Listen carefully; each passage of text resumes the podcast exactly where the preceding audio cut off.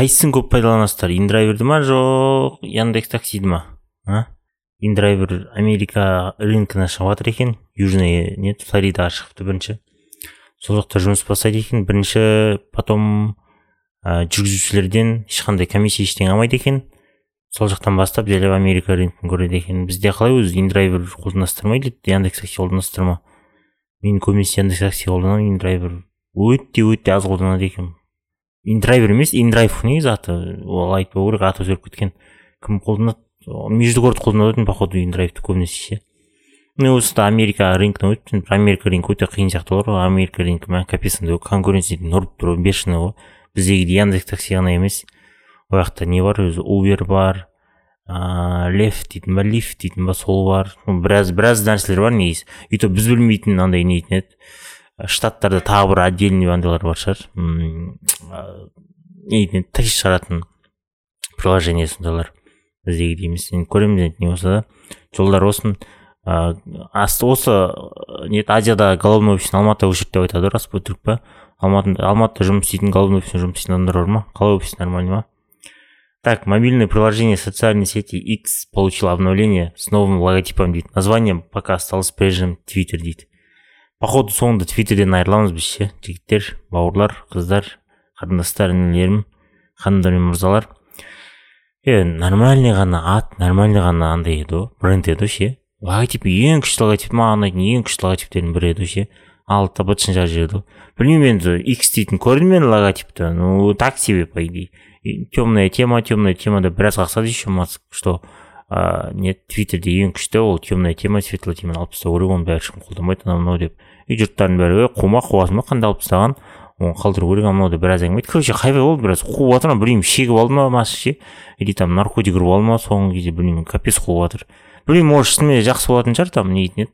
Ә, мен мысалы білмейтін шығармын мен білмейтін нәрселер істеп жатқан шығар мен білмейтін нәрселерді көріп жатқан шығар. Бірақ қазірдің әңгімелері так себе.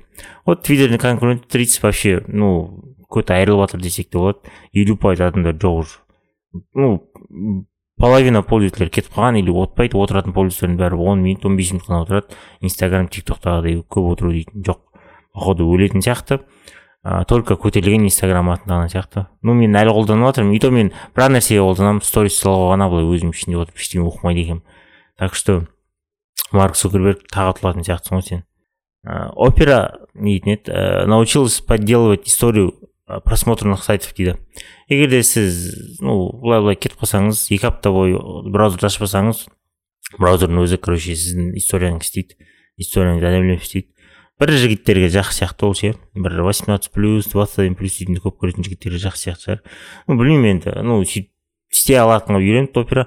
Бірақ операға базар жоқ соңғы кездері былай былай ұнап жатыр қатты ше браузер ретінде. Қазір гугл вообще ұнамайды маған браузер ретінде вообще ұнамайды ше. Опера атаң келеді орынды көп алады потом не операционка да көп андай алады орынды сол ұнамайтын болмаса егер соны аз алатын болса мен операны ой жаман жаман қатты қолданатын едім ше ну енді не бірақ менде опера бар менде опера бар яндекс бар гугл вообще қолданбаймын мазила бар мазиланы вообще ашпаймын да бірақ бар гугл вообще жоқ.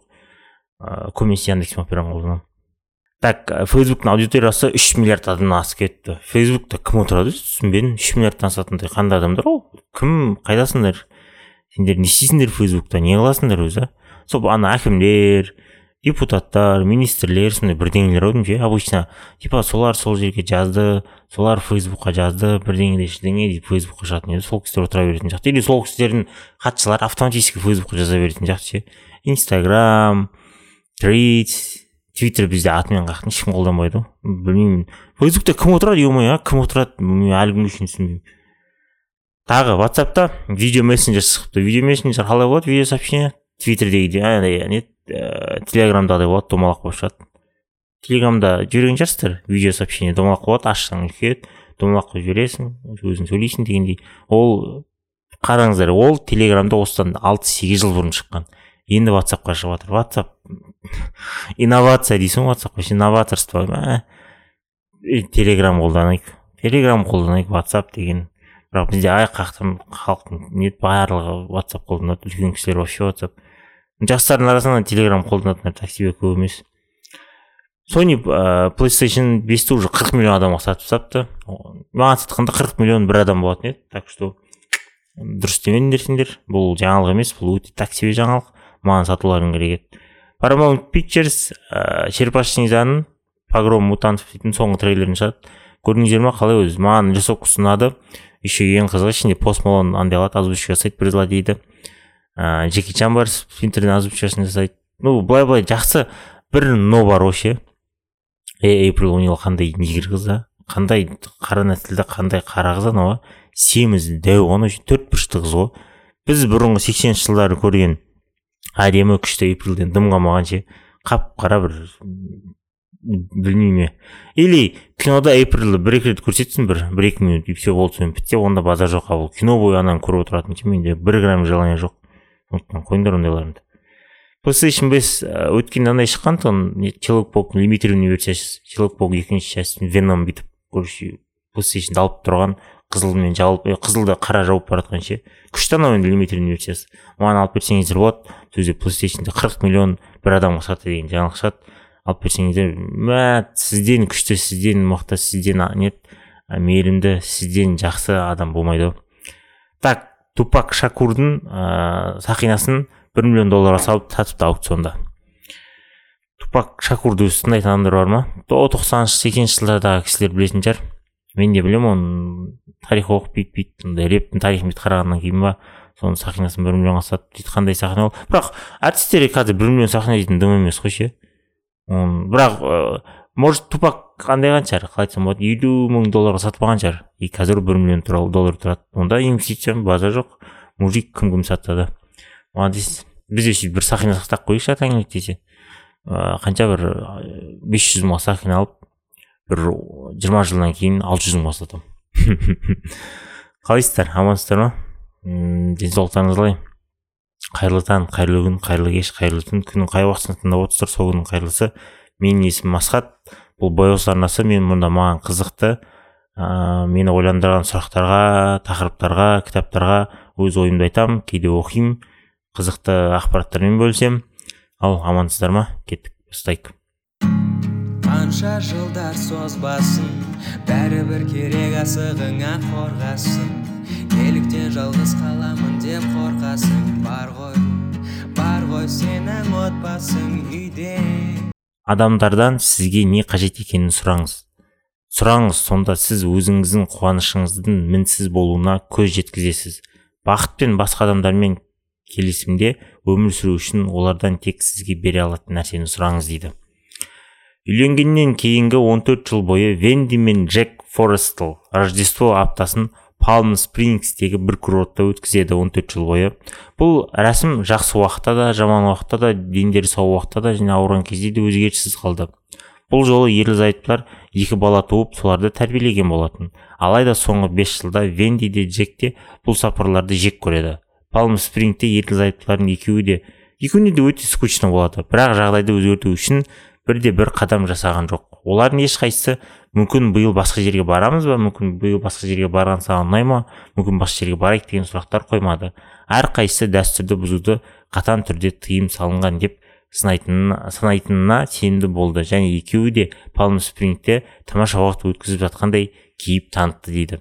Андай болады білесіздер ма ә, бір жазылмаған заң бірдеңе өйстіп істеу керек ә, типа осылай жасауың керек дейді. А вот кішкене логически ойлансаң олай жасаған ну басқа амал бар. Короче одан да оңай одан да тез одан да күшті одан да әдемі жасауға.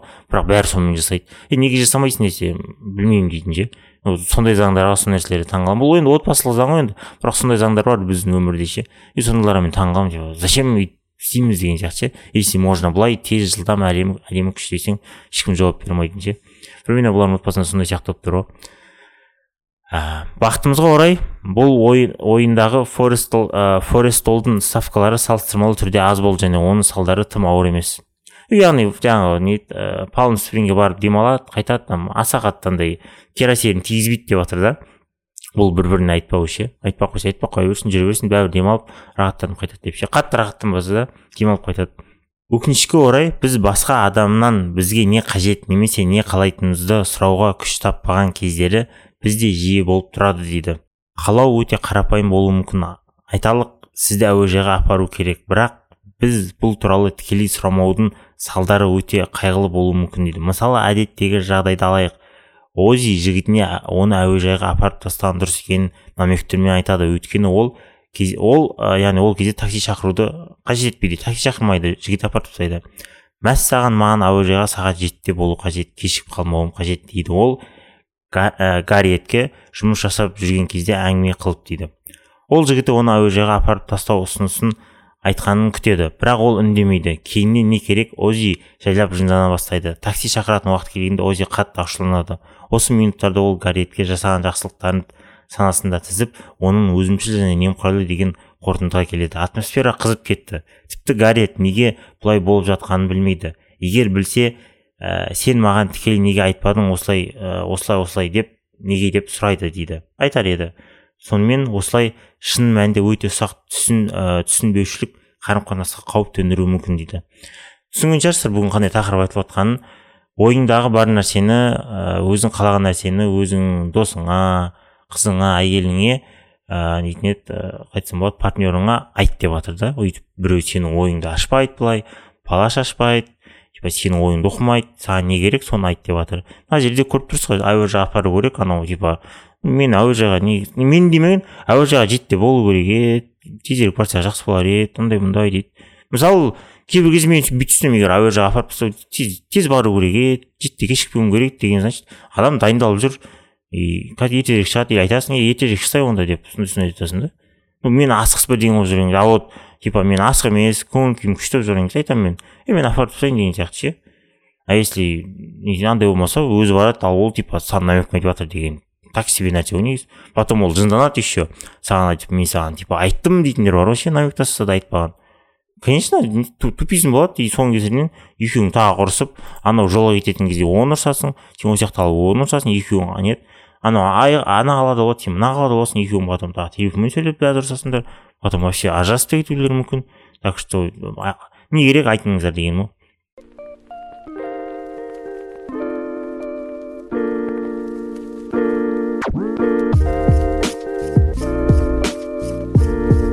Дауыстап айта алмайтын маңызды қажеттіліктерді қанағаттандырмау одан да ә, жойқын болып табылады. Мысалы көптеген қартайған ата аналар ата аналар балаларына көмек сұра, балаларынан көмек сұрағысы келмейді. Олар оларға келуді тоқтатады деп қорқады. Тіпті қарттар үйіне апарып тастайды деп те қорқады. Немесе өздерінің мәңгі бос емес ұрпақтарының қымбат уақытын алып тұр деп өзін кінәлі сезінеді. Төтенше жағдайда төтенше жағдайлар туындаған кезде бір хайвей болған кезде балалар қажет нәрсені істеудің орнына қартайған ата аналар ата аналарына ашуланып айтады. Неге маған бұл туралы бұрын айтпадың? деп дейді. Бұндай жиі болады бізде. Менде де болған жиі болады иә. Ата аналар айтуға қорқады. Ой балам қандай қылмай қояйын уайымдатпай қояйын онсыз да тірлігі көп онсыз да өйстіп жүр ондай қылып жүр деп ше. И бірдеңе оқыған кезде неге ертерек айтпайсыздар осыны неге өйстесіздер осыны мен ерігіп жүр ма бірдеңе ше пайда болады ше. Негізі бұл жаман әдет қой бүйтіп айту ше. Неге бүйттіңіздер неге үйттіңіздер деген сияқты ше. Олар не дейтін еді кішкене бала емес қой. Бәрін түсініп тұр бәрін түсініп тұр неге өйткені не олай болып қалған ше. Сенің айтуыңсыз ақ ол не сабақ алып тұр ғой одан ну ол жерде айтудың қажеті жоқ та кейін бәрі біткеннен кейін асықпай осы едім соны енді қайталамаған жөн андай мындай деген сияқты ше көңілді кезде осындай кезде деген сияқты сразу сол кезде айтпай ше өзі болса сразу айтамыз негізі бір проблема шығады мысалы қалай айтсам болады ыыы осындай осылай осылай болып қалды сен барасың да. Проблема жайлы айта бергеннен проблема жайлы айта берген сен неге өйстіп сен неге бүйттің неге өйстіп істемейсің? Неге бүйттің сен келсең осындай болды деген дым шешілмейді ше? Тупо дым шешілмейді. Лучше болма проблема так де да мақұл сен дұрыс істемейсің қателестің сенімен кейін сөйлесеміз деу керек та. И проблема шешуге кірісу керек ата аналар болатын болса бопты дейді да қазір шешіп алайық керек та соны шешіп алу керек. Шешіп алғаннан кейін жайлап отырып сөйлесу керек та. Сол кезде нормально болу керек. И мне кажется ата аналарға айтып тұру керек сияқты. Көмек сұраңыздар қорықпаңыздар мен ну мен сіздерге уақыт табамын всегда уақыт табамын деп. Мен занятпын бірақ сіздерге деген уақытым бар деген сияқты ше. Өйтіп балам занят ондай ондайды айта бермеңіздер деп. Сіздер мені де жалғыз қаласыздар деп ше. Егер де қария қария кісі болса да бір құдай біледі әлі қасымда қанша болатын болатындарыңыз деп ше. Көмектесіп көмектесіп қалғым келеді. Сондай сондай деген сияқты айтып түсіндіру керек сияқты кейбір ата аналарға өйткені олар жүрекпен ойланғандықтан баспен ойламағандықтан сондай болуы мүмкін да андай. Мен жақсылық істеп жатырмын бүйтіп жатырмын деп и соңында олар да ұрысып қалуы мүмкін да. Мүмкін біздің өміріміздің жыныстық қатынастан басқа бірде бір салысы жоқ шығар осындай бұзатын мінез құлықтың бұл түрі көрнекті және қарама қайшы көрінетін дейді. Ыыы журналдар мен кітаптардағы көптеген кеңестерге қарамастан төсекте не қалайтынымыз туралы өкініштер әлі де өте қиын шиеленісті тыйым салынған тақырып болып қала береді. Бұл туралы серіктес сұрау үшін үлкен батылдық пен сенім және мұндай өтініштерді тыңдау үшін үлкен психикалық күш қажет. Жыныстық қатынасқа келетін болсақ біздің эго өте осал. Сондықтан да сұраудың орнына біз басқа адамның сөзінен ә, сынды оңай ести аламыз. Біз жыныстық серіктес бір нәрсе сұрау керек болғандықтан біз дұрыс емес нәрсе істеп жатырмыз деп ойлаймыз. Бір нәрсені өзгерткісі келетін адам оған қандай қауіп қатердің нашар екенін бағалауы керек. Серіктес өзіне не қажет немесе қажет емес екенін болжайтын ұзақ күтуге байланысты көңілсіздік пен көңілсіздік немесе қалағанын тікелей сұрау арқылы оның сезімін ренжіту ықтималдылығы дейді. Так бұл жерде ә, половой акт ә, жыныстық қарым қатынаста бұл өте көп көрінеді деп жатыр и екі партнер ерлі зайыптылар бір бірін қанағаттандырмағандықтан бір бірінің көңілінен шықпағандықтан ну сондайлар көп болады деп жатыр да и бір бірінен айтуға қысылады деп жатыр ә, и нәрсе айтқан кезде мысалы әйел адам ер адам айтқан кезде ер адам әйелге айтқан кезде ол өзінің эгосын жоғары ұстайды деп жатыр да соны типа ойлайды. Мен сонда черт деп тұрсың ба? Мен осындай болмайтын біреу деп тұрсың ба? Мен де осыны істей алмайды деп тұрсың ба? Сені қандырамайды деп ойлайсың ба? деген сияқты ше. А шын жүзінде сенің әйелің сенің күйеуің проблема, проблеманы шешкісі келіп жатыр да и екеуіңе де жақсы болсын деген оймен істеп жатыр ыыы мне кажется бұндайды дұрыс сұрау керек сияқты андай әдемілеп деген сияқты да. Бұған қазір соңғы жағына тағы бір андай күшті айтылған нәрсе бар. Соны тағы айтамыз.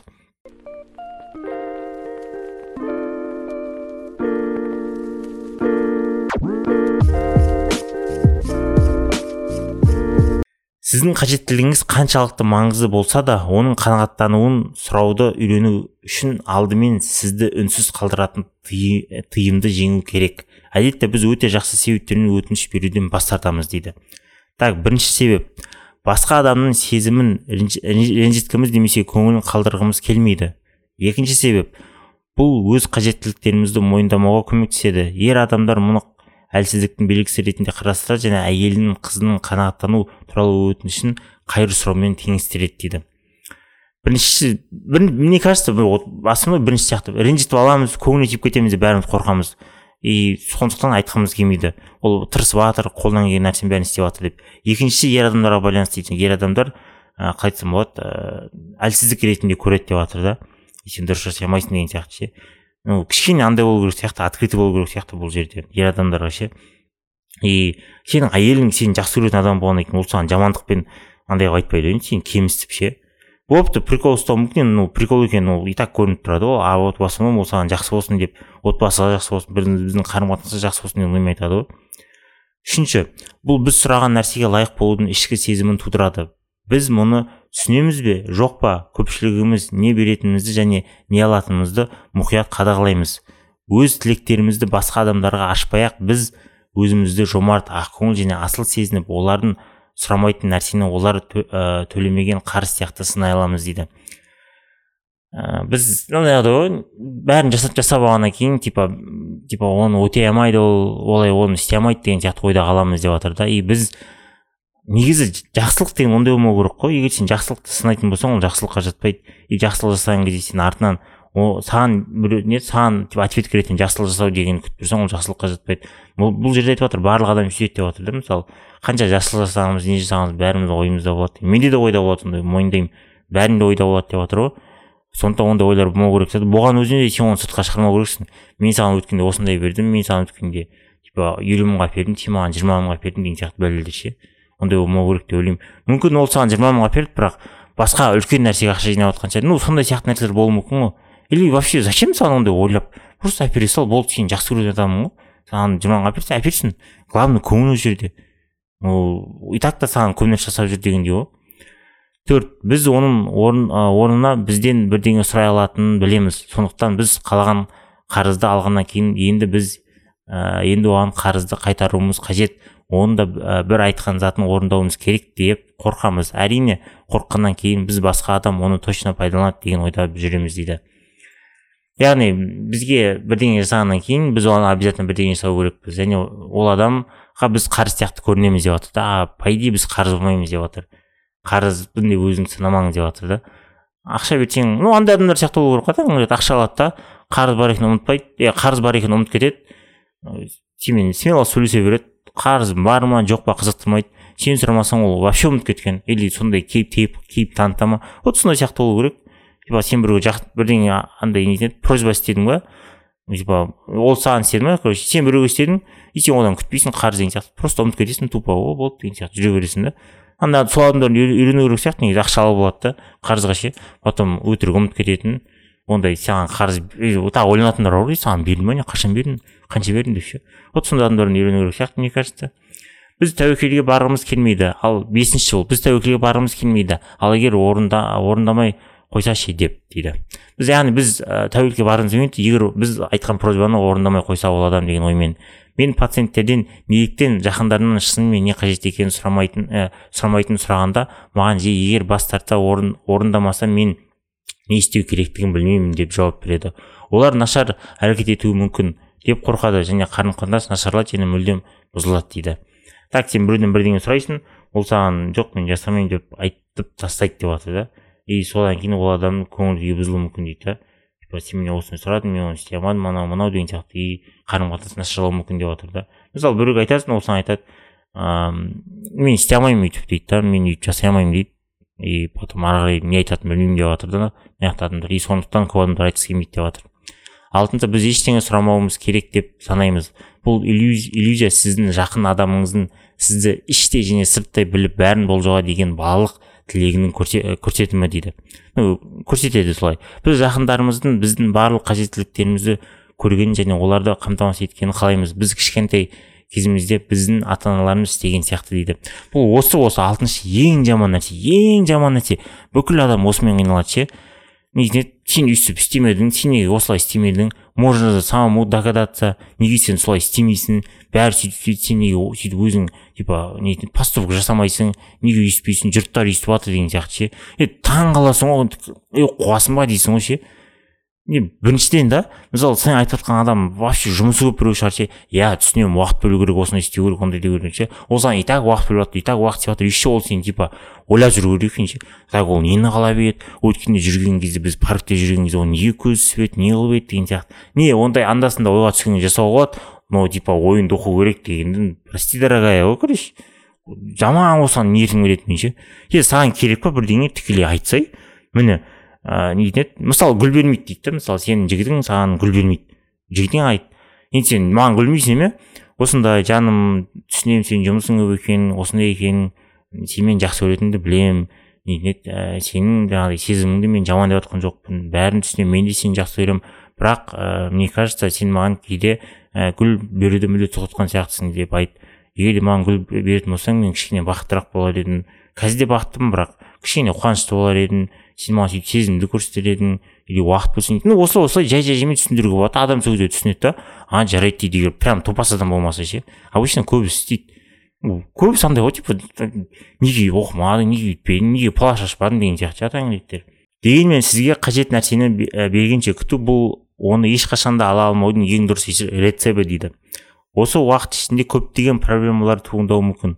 Өзіңіздің қанағаттандырылмаған қажеттілік қажет қажеттілігіңізбен ұзақ нянька болып жүрсеңіз сіз ренжіп өзіңізді шеттетілгендей сезінесіз. Сондықтан сіз оңай ашуға ызаға және немқұрайлыққа ие боласыз. Басқалар сізге не қажет екенін жақсы біледі деп сенуіңіз мүмкін бірақ олар оны бергісі келмейді деп ойлауыңыз мүмкін дейді. Сонымен қатар сіз бұл ә, бұл олқылықты басқа жолмен толтыруға азғырылуыңыз мүмкін. Бұл ақымақ әрекеттерге немесе ең нашар жағдайда деструктивті мінез құлықтың қандай да бір түріне алкогольді немесе есірткіні теріс пайдалану опасыздық құмар ойындар және тағы басқаға алып келуі мүмкін. Мұның бәрі сіздің ренішіңізге күнә мен ұят сезімін қосады дейді. Вот осы жерде измена жаңағыдай нетін еді ішу наркотик ыыы нетін еді жынданып бірдеңе істеу бір затын бұзу бірдеңе қылу ыыы не месть алу бір нетін еді бірдеңе айтып беру типа соны білетін ғана секретін жайып салу деген сияқты. Вот солардың кесірінен вообще жопа бытыш болады деп жатыр да. Вот. Если сіз ішіңізде мысалы бірдеңені айта алмасаңыз бірдеңе не ішіңіз ну бірдеңе қалайсыз оны бірақ оны айтпайсыз типа сен а ол типа білу керек деп андай ойлап жүрсіз жаңағыдай ше ол өзі тапсын өзі білсін мен отырамын деп. Потом ол таппайды таппайды сіз жынданасыз. Одан сын етпейсіз вообще ашуланшақ болып кетесіз. Потом соңында жаңағыдай бірдеңені бұзып бірдеңе қылып уже там не изменение жасап мындай қылып сен істемедің сен маған гүл бермедің ол маған гүл берді үйтті сөйтті деп вот содан кейін жаңағыдай ұят пайда болады күнә пайда болады деп жатыр бәрі быт болады деп жатыр. Сондықтан да бәрін айту керек деп жатыр. Соңы вообще жаман нәрсе әкеледі деп жатыр былай қарасаң. Сізге қажет нәрсені сұрау әлсіздік емес. Егер сіз сұраған нәрсе әділ ақылға қонымды және лайықты болса бұл өзімшілдік немесе қорлау емес дейді. Және бұл қажет дүние болып табылады. Шын мәнінде бір нәрсені тікелей сұрау көбінесе оны алудың жалғыз жолы болып табылады және қазір онсыз өмір сүре алатындығыңыз әрқашан солай болады дегенді білдірмейді дейді. Пайдалы білім. Адамдардың онсыз ақ өзіңіз жасай алатын ештеңе сұрамаңыз дейді. Адамдарда адамдардан онсыз ақ оның көмегінсіз ақ өзіңіз жасай алатын ештеңе сұрамаңыз. Тек қана сол жасай алатын сол бере алатын нәрсені сұраңыз. Егер өзіңіз істей алатын болсаңыз сұрамай қойғаныңыз жөн деп жатыр пайдалы білім есіңізде сақтаңыздар.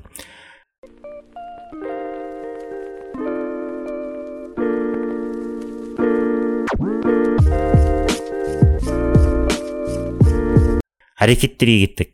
Өз қажеттіліктеріңізді түсініп қабылдаңыз. Олар барлығында бар және ерте ме кеш пе анықталады дейді. Өз қажеттіліктеріңізді түсініп қабылдаңыз. Не керек екенін біліңіз. Бәрін біліп алыңыз. Кейін біліп алғаннан кейін әдемілеп өзіңіздің ә, партнеріңізға өзіңіздің достарыңызға айтасыздар. Сізге не қажет болса да онсыз өмір сүре алмас, а, аласыз ба соны анықтаңыз дейді. Сізге не қажет болса да онсыз өмір сүре аласыз ба сүре алмайсыз ба соны анықтаңыз. Қарым қатынас сақтау үшін кейбір қажеттіліктерді құрбан етуге болады. Бірақ егер бұл ешқашан болмайды деген ой сізді шынымен мазалайтын болса және сіз өзіңіз қалаған нәрсе туралы көп қиялдайтын болсаңыз бұл сіз үшін өте маңызды және сіздің қажеттіліктеріңізді елемеуге болмайды дейді.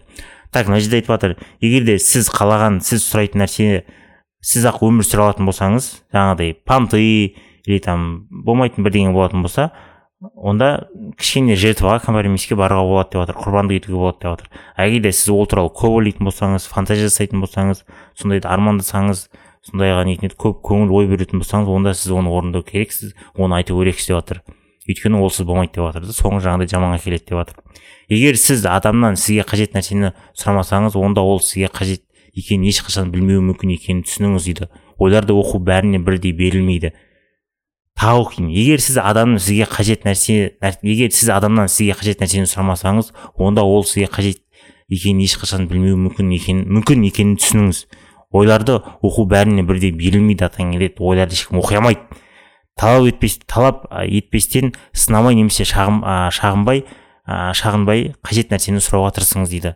Талап қоймаңыз сынамаңыз шағым айтпай қажет нәрсені сұрауға тырысыңыз. Жаңағыдай асықпай отырып түсіндіріп жағдай айтып сен сондайды қалайтын жайлап түсіндіре жаңағыдай сын айтып сен істей алмайсың сен істеуді доғардың сен типа өйстіп істемейсің аналар өйстіп істейді біреумен салыстырып жатыр ондай жасамау керек деп жатыр өз қажеттілігіңізді факт ретінде тұжырымдаңыз. Оны сіз әрқашан шынымен қалаған бірақ әлі алмаған нәрсе ретінде емес өзіңіз қалаған нәрсе ретінде көрсетіңіз дейді.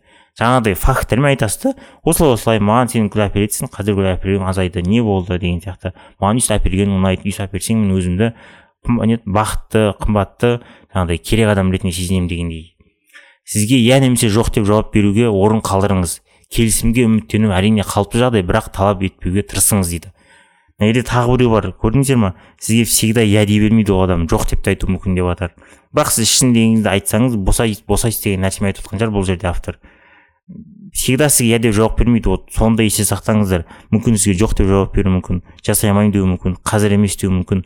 Сондықтан да кішкене ну есте болыңыздар. Иә жоқ деген. Ну вообще адам ойында осындай болу керек. Мен қателесемін ау. Менің жасап жатқаным қате болып қалуы мүмкін ау. Менің айтқан нәрсем қате болып қалуы мүмкін ау деген оймен жүру керек адам. Всегда типа бәрін білем. Мен типа бәрін шешем. Ә, не мен бәрін біліп қойған оймен жүрмеу керек. Егер де сондай оймен жүретін болсаңыз сіз ештеңе үйренбейсіз ештеңе білмейсіз де всегда ойлар болу керек. Мен қателесуім мүмкін мен дұрыс айтпауым мүмкін деген сияқты. Бірақ енді қатты беріліп кетпеу керек мен ештеңе білмеймін. Мен всегда қателесемін емес. Өзің андай заңдар болады ғой айтсам болады бұзылмайтын. Ол кезде айтуға болады нақты нақты. Вот кейбір жерлерде мен қателесуім мүмкін бірақ осы осылай сияқты деген сияқты да. Обычно солай айту керек. Мына жерде айтып жатыр сізге иә жоқ деген варианттар болуы мүмкін. Сізге иә деуі мүмкін просьбаңыз или жоқ деуі мүмкін. Сондықтан да всегда осындай ойда болсын соған дайын болыңыз. Қазір иә деуі мүмкін или жоқ деуі мүмкін деген сияқты. Егер иә десе осылай әрекет жасаймыз жоқ десе осылай әрекет жасаймыз дегендей дұрыс сәтті таңдау өте маңызды. Мысалы егер сіз жыныстық серіктесіңізден бірдеңе алғыңыз келсе оны төсекте сұрамаңыз. Мұны алдын ала жасаңыз. Мысалы таңертең сүйікті адамыңызбен қоштасу кезінде ал сен бүгін кешке үйге келгенде не істегің келетінін білесің бе? немесе фильмдегі секс көрінісін бірге көру кезінде біз мұны бір күні сынап көруіміз керек осылай жасап көруіміз керек деп. Вот жаңағы ең проблема нетін осы нәрсенің ең көп нәрсе көп жерде көрінетін айқын көрінетін ол төсекте деп жатыр жыныстық қарым қатынас деп жатыр қарым қатынаста деп жатыр егер сізге сол жыныстық қарым қатынаста бірдеңе ұнамайтын болса ол жерде сол моментте айтудың қажеті жоқ деп жатыр вот азанда жұмыстан шығып бара жатқан кезде айтыңыз болмаса фильм көріп жатқан кезде неге осылай істемейсіз біз осылай істеп көрейік деген сияқты ойларды айтыңыз дейді. Мне кажется ол көңіл күйі жақсы кезде айт деген сияқты мен айтып отқан сияқты ол төсекте емес бәрі біткеннен кейін асықпай деп. Ей сол кезде бәрі жақсы болады деп жатыр да. Ну қорытындылап айтайын дегенім мынау негізі өте керек тема өте үлкен тема ше. Көбінесе бұл не қыз бен жігіттердің арасында өте андай болады қалай айтсам болады. Ыыы көп кездеседі. Өйткені олар бір бірін әлі жақсы біле бермейді көп жүрмеген бір біріне олардың әдеттерін әлі жақсы біле бермейді да. И сондықтан сондайлар пайда болады. Неге сен өйтіп істемейсің неге сен өзің соны білмейсің неге сен өйтіп істейсің деген сияқты ше. Вот үлкен кісілерде уже отбасыларда ондай кішкене азырақ болады бірақ болатындар да бар. Мүмкін көбірек болатын шығар бірақ мен өзім практикамда аз көремін өйткені олар әдеттерін біледі да уже не жейді не қылады қалай жүреді қалай тұрады нені қалайды нені қаламайды настроениесі болған кезде түрі қандай болады қалай сөйлейді қалай әрекет етеді қалай тамақ ішеді соның бәрін уже олар автоматически миы уже андай нетін еді автоматически андай қылып тастайды андай вариант беріп тастайды саған ше так мынау бүйтіп істеп жатыр значит бүгін көңілі осындай емес мынау бүйтіп істеп жатыр значит бүгін қуанышты так мынау бүйтіп жатыр значит бірдеңе айтқысы келіп жатыр так мынау бүйтіп жатыр значит бірдеңе сұрағысы келіп жатыр дегендей да вот. Ыыы басында по любому олар осындай болған деп ойлаймын мен. Что бір біріне ойларын білмеген анау анау әрекет анау андай жасаса ол ол дұрыс емес деп ойлағандай дегендей ше жалпы ыыы жастарға әлі білмейтін адамдарға бірінші рет типа ондай болып жатқандарға қалай айтсам болады қарым қатынасқа түсіп жатқан адамдарға бір бірлеріңізге айтыңыздар. Не қажет қажеттіліктердің бәрін айтуға тырысыңыздар. Не қажет қалай істеген қалайды осылай істеген қалайды деген оны жасырудың ешқандай қажеті жоқ. Ода романтический ештеңе жоқ. Типа өзі біліп келді бүйтіп сияқты егер де сіз айтып өз қажеттілігіңізді жасайтын болсаңыз солардың арасында жігіт жасайды сізге. Сол заттармен романтический бірдеңе жасайды. Жасамайды емес ол жасайды. Бірақ жаңағыдай оны причина қылып сын қылып айтып ше салыстырып шағынмен айтып өйтіп айтудың қажеті жоқ. Сен неге олай жасамайсың ондай қылмайсың сияқты. Бәрін асықпай отырып түсіндіріп ыыы асықпай жайлап мұқият фактармен бәрін не дайындап сөйтіп айтқан дұрыс та адам түсінетіндей қылып ше. И всегда айтыңыздаршы мен бүгін бұл сөз көп айтқан шығармын. Ойларыңызды ешкім сіздердің оқи алмайды ешкім оқымайды ондай қабілет ешкімде жоқ. Психологтарда бар шығар но олардың өзінде де көбісінде жоқ и олар толығымен оқи алмайды сондықтан да сіздің өзіңіздің ойыңызда бар өзіңіз қалаған нәрсені біреу орындасын деген нәрсені обязательно міндетті түрде ол адамға айтыңыз. Отырып айтыңыз айтыңыз айтыңыз айтыңыз. Олсыз болмайды. Вот айтқан кезде ол сол кезде жасамаса онда иә ол проблема енді. Айтасың. Е мен саған айттым ғой қуасың ба деген сияқты ше. Вот айтпайсыз өйтіп деп шағыммен бірдеме айтып бекерге ол жерде оның да кінәсі жоқ байғұстың ше. Просто сіз андай қыласыз типа өз өзіңізден проблема тауып аласыз. На ровном месте. Сондықтан ондай қажет жоқ. Всегда қалаған нәрсеңді айтыңыздар айтатын соңғы советім осы. Ал сау болыңыздар аман болыңыздар дендеріңіз сау болсын келесі көріскенше давайте. Қанша жылдар созбасын бәрібір керек асығыңа қорғасын. Неліктен жалғыз қаламын деп қорқасың бар ғой бар ғой сенің отбасың үйде.